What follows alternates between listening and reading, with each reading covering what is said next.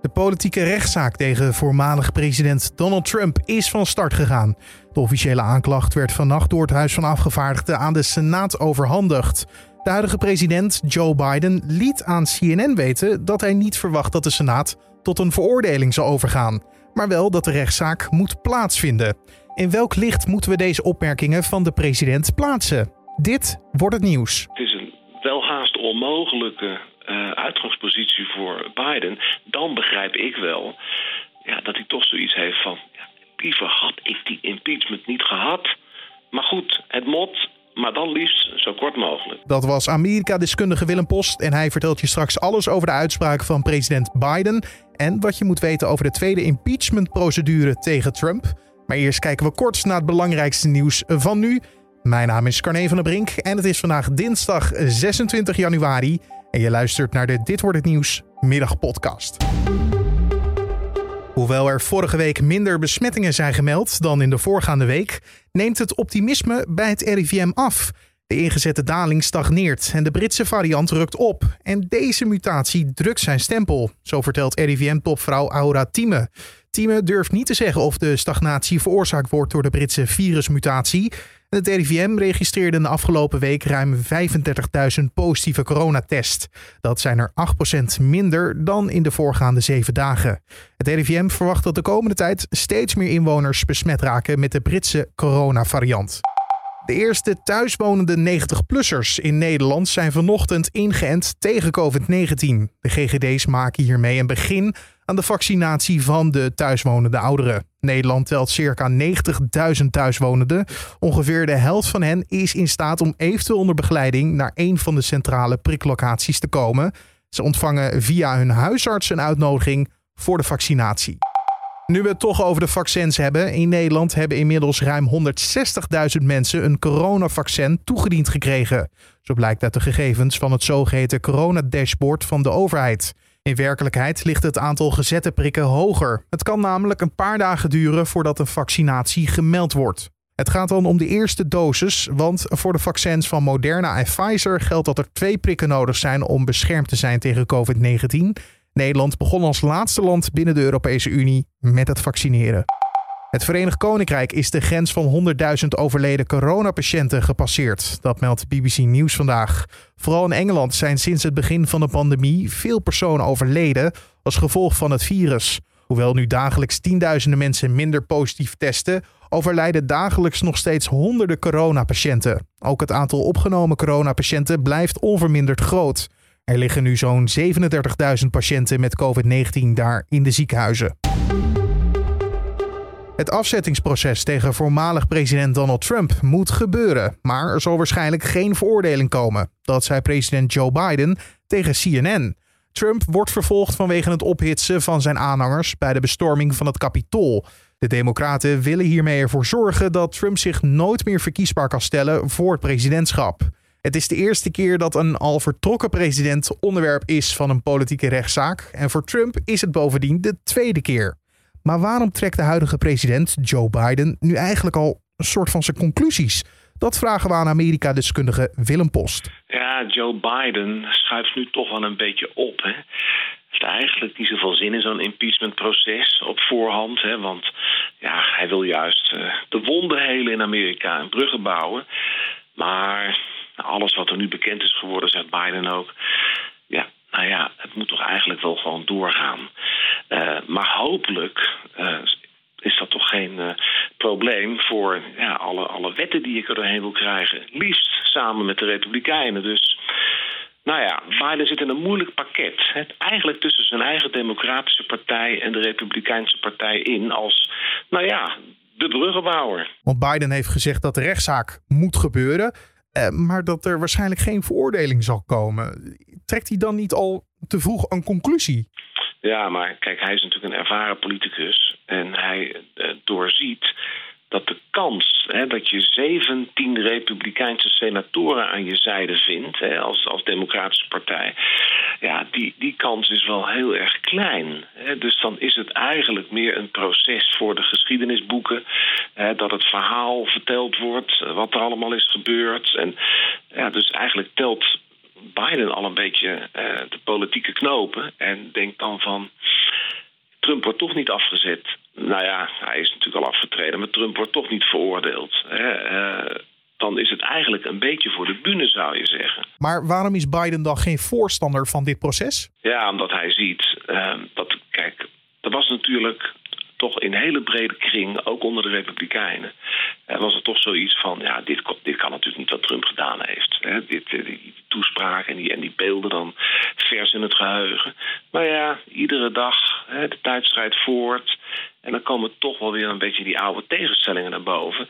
En wat Biden ook ziet, is dat toch een groot gedeelte van de Republikeinse partij, inclusief congresleden en senatoren, achter Trump blijft staan. Dus ja, de realiteit daalt dan een beetje in. En ja, Biden zit eigenlijk gevangen tussen twee werkelijkheden. De werkelijkheid die leeft bij de Democratische Partij. Vooral toch, hè, van nou ja, 1 en 1 is 2. Als je als president je dit kunt permitteren. en, en er volgt geen impeachmentprocedure. Ja, dan kan iedere toekomstige president ook iets vreselijks doen. En, en, en, ja, dan eigenlijk ook er zo mee weg kunnen komen. En dat is die democratische werkelijkheid. Terwijl aan de republikeinse kant zoiets zit van... ja, jongens, Trump heeft verloren, hallo, er hangen hem ook nog rechtszaken boven het hoofd.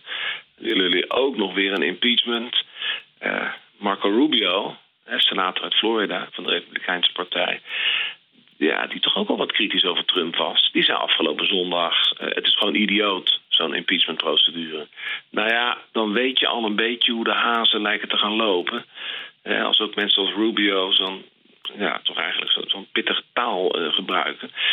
We zullen zien. Het is nog niet allemaal in steen gebeiteld natuurlijk wat er gaat komen. Uh, want de democraten hebben gezegd... ja, we komen ook nog met nieuw uh, bewijsmateriaal... om te laten zien hoe ernstig het allemaal is... en hoe Trump achter de schermen heeft geprobeerd uh, nou ja, dit allemaal te bewerkstelligen. Hè? Ja. Die bestorming op het kapitool enzovoort enzovoort. Dus dat is nog een beetje uh, wat kan fluctueren. Ja, want Biden heeft tot nu toe altijd gezegd dat hij Amerika wil samenbrengen. Dat hij het wil lijmen en dat partijen weer samen moeten werken. Na ja, een heftige periode.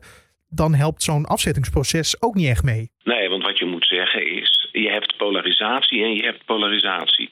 Nou, Daarmee bedoel ik dat Amerika wel extreem is gepolariseerd. Je kunt rustig zeggen, de situatie is ernstig. Hè? Nou, kijk naar wat er bij het kapitool is gebeurd. Hè? Maar toch, toch eigenlijk ook de afgelopen jaren. Hè? De, gewoon, de haat die er ook in politieke kringen is, maar ook, ook breder in de maatschappij. Dus de uitgangspositie van Biden is al extreem moeilijk. Ja, en als je dan toch iets van bruggen probeert te slaan, ja, dan zit je natuurlijk eigenlijk niet te wachten op dagen, wellicht wel weken lang van politiek gekrakeel tijdens zo'n impeachmentprocedure. Want wat de Democraten gaan doen, wat we nu horen, dat is ook indrukwekkende video presenteren. Waaruit blijkt dat zo'n beetje ieder woord wat Trump heeft gezegd direct leidde tot reacties bij zijn aanhangers. Daar werkt nu een filmproductiemaatschappij aan.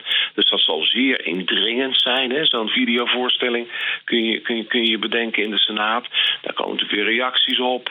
Dus Biden heeft ook gezegd: ik hoop wel dat die impeachment dan kort is. Dat het niet weken, weken, weken gaat duren. Het kan in een paar dagen. Nou ja, dat zou gegeven de omstandigheid uh, eigenlijk het beste zijn. Hè? Dat je een, een, een korte uh, impeachment krijgt. Dan zijn democraten tevreden gesteld in de zin van... nou ja, het is dan toch allemaal doorgegaan. En de republikeinen zijn er dan een beetje vanaf na een paar dagen. Ja. Maar als dit zich weken gaat voortslepen... ja, dan is het steeds breaking, breaking, breaking news. Met ja. alle wonden die nog verser zullen zijn dan. Hè?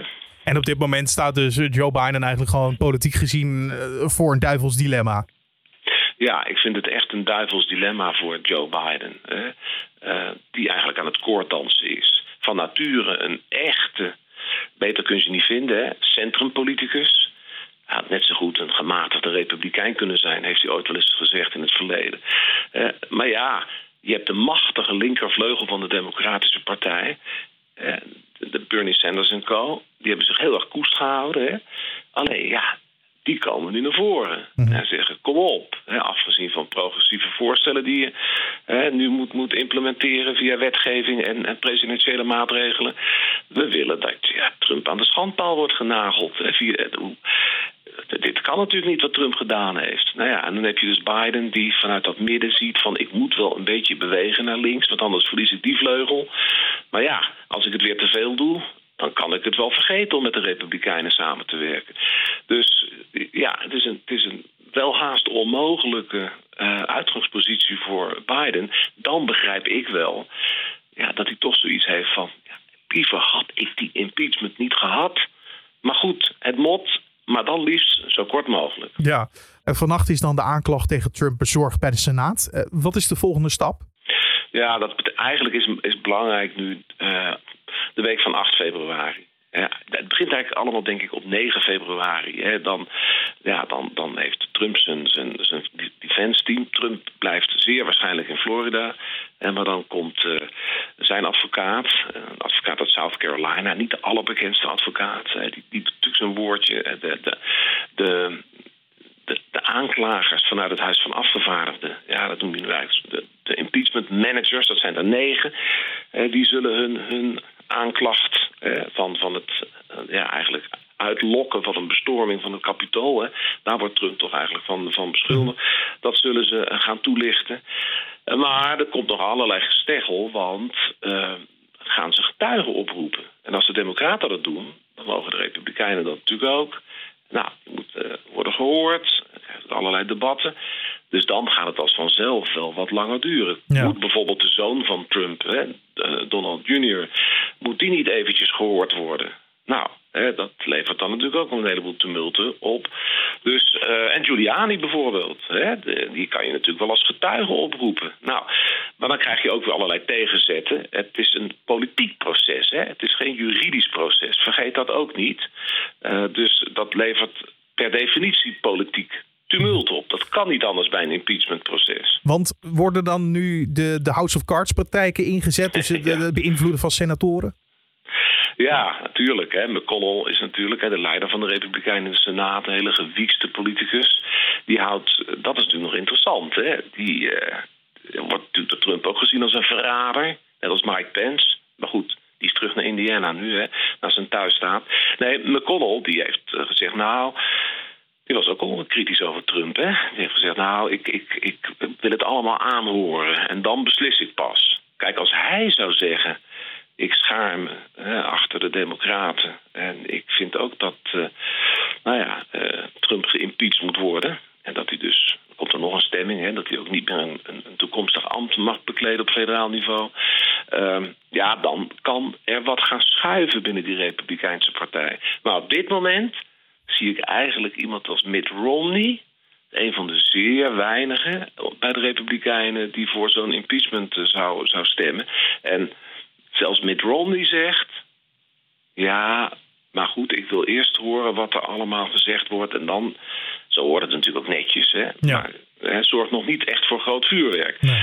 Dus uh, ja, het wordt een. Uh, het wordt een, een, een, moeilijke zaak, denk ik, voor de Democraten om het er doorheen te krijgen. Maar goed, dan wordt het verhaal weer verteld, de ernst van de situatie onder woorden gebracht. En het is natuurlijk ook ernstig wat Trump heeft gedaan. Laten we daar wel eventjes duidelijk over zijn. Dat was Amerika-deskundige Willem Post over het afzettingsproces tegen Donald Trump. En de hoorzittingen, daarop moeten we nog even wachten. Die vinden plaats over twee weken. En dan het weer van Weerplaza. In de avond neemt vanuit het westen de bewolking verder toe en volgt regen. Maar landinwaarts is opnieuw wat sneeuw mogelijk met kans op gladheid.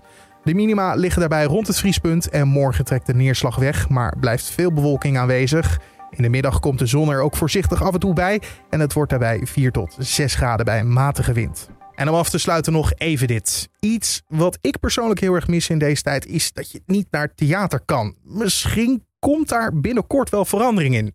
Cabaretier Guido Weijers zal namelijk op zaterdag 20 februari een optreden geven in het Beatrix Theater in Utrecht. Dit optreden is onderdeel van ja, een aantal coronatestevenementen. Er zullen in totaal 500 bezoekers worden toegelaten, die verdeeld worden over drie groepen. Het publiek moet 48 uur voor het evenement een PCR-test ondergaan en een negatief testresultaat kunnen laten zien. Met de testevenementen wil de organisatie hierachter toewerken naar veilige en verantwoorde evenementen met een verhoogde bezoekerscapaciteit. Naast de cabaretvoorstelling wordt ook getest met een zakelijk congres en twee voetbalwedstrijden.